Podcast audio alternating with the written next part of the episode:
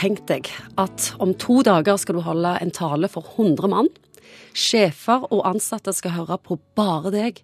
Alle kommer til å høre nøye etter hva du sier, og hvordan du klarer deg. Alle ser hvis du fomler eller er nervøse, og du er nervøse. Eller det kan hende at du er alle sitt store håp i en idrettskonkurranse. Hvert sekund teller, hver bevegelse og hver avgjørelse du tar er skjebnesvanger. Uansett, du gruer deg, du er nervøse, så nervøs at du vurderer nesten å sykemelde deg. Psykolog Egon Hagen, hvorfor får vi prestasjonsangst?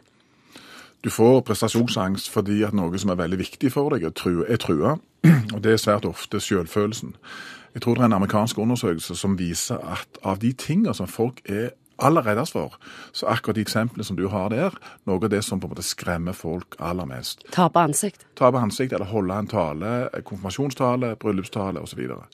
Hvorfor er det sånn? Det er sånn eh, av sikkert mange grunner, men jeg tror den grunnleggende eh, greia er nok knytta til frykten for å tape ansikt, frykten for å framstå som dum eller mindre reflektert. Og i kombinasjon med at veldig mange som da er redd for dette, aldri eksponerer seg for det. Eh, og på den måten så får du heller ingen trening, og så ser du kanskje på andre folk som er veldig gode på dette, og som framstår som veldig kompetente, og så tenker du at det blir bare større og større avstand fram til der de er. Jeg har også lest at folk er mer redde for å snakke i forsamlinger og tape ansikt enn det å dø. Det kan nok stemme, ja. Hvorfor er vi så sarte? At det går sånn innpå oss og dummer oss ut? Hvorfor tåler vi ikke det bedre? Jeg tror det har med helt sånn grunnleggende Noen tåler det sikkert mer enn andre. Noen vil kanskje også si at når jeg er blitt eldre og klokere og har liksom gått alle disse kilometerne på landeveien, så tåler jeg mer enn det enn jeg gjorde før. Og jeg husker iallfall at når jeg var yngre, så var det veldig mange ting som jeg eh, var redd for. Og knytta til sånne ting som dette, som ikke nå når jeg er blitt eldre, framstår som så vanskelig. Så vi blir nok litt mer robuste, litt mer hardføre når vi blir eldre, og det tror jeg hjelper oss òg i disse situasjonene. Ja, Det hjelper ikke noen som er 14 eller 19 eller 27. Nei, og det vi har gjort på, i den tid hvor jeg jobbet på universitetet, så var det mange studenter som hadde problemer med å ta ordet. Og Da var målsettingen når de begynte, var å ta ordet én gang i klassen i løpet av hele studietida. Og Grunnen til at mange eh, syns dette er skummelt, er òg at de har veldig overdrevne opplevelser av hvor, hvor elendig de framstår. De tror de ser veldig mye mer sårbare og nervøse ut enn det de faktisk gjør. Så det vi brukte på en del av disse eh, kursene våre, var video.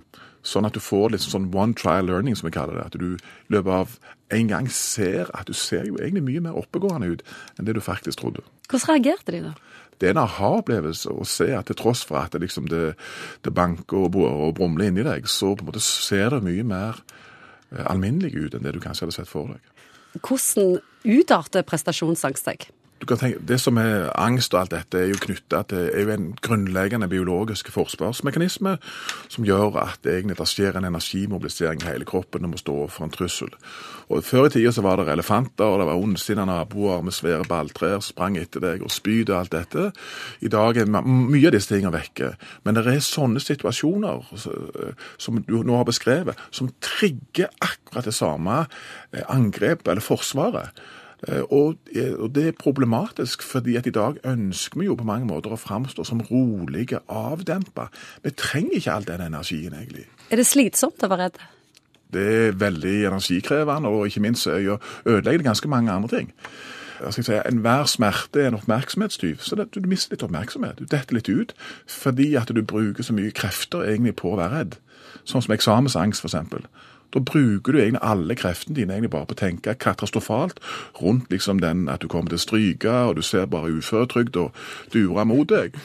Så tenker du bare på det istedenfor det du faktisk skal tenke på, nemlig å svare denne fordømte eksamen. Viktigst av alt, essensen i denne samtalen. Hvordan bli kvitt prestasjonsangst?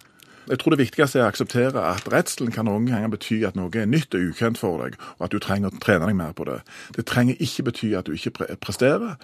Og det kan være en invitasjon til å bli nysgjerrig på dette området og få mer erfaring. For jeg tror at erfaring og mengdetrening er det aller viktigste for å ta, ta vekk noe av angsten. Jeg, jeg, hadde en skuespiller en gang jeg jobbet med, og hun sa at hun så for seg at det satt en hel haug med sauer egentlig inne i salen der, og de forsto nesten ingenting. Det gjør det ofte òg. Ja, det gjør det, det er mulig.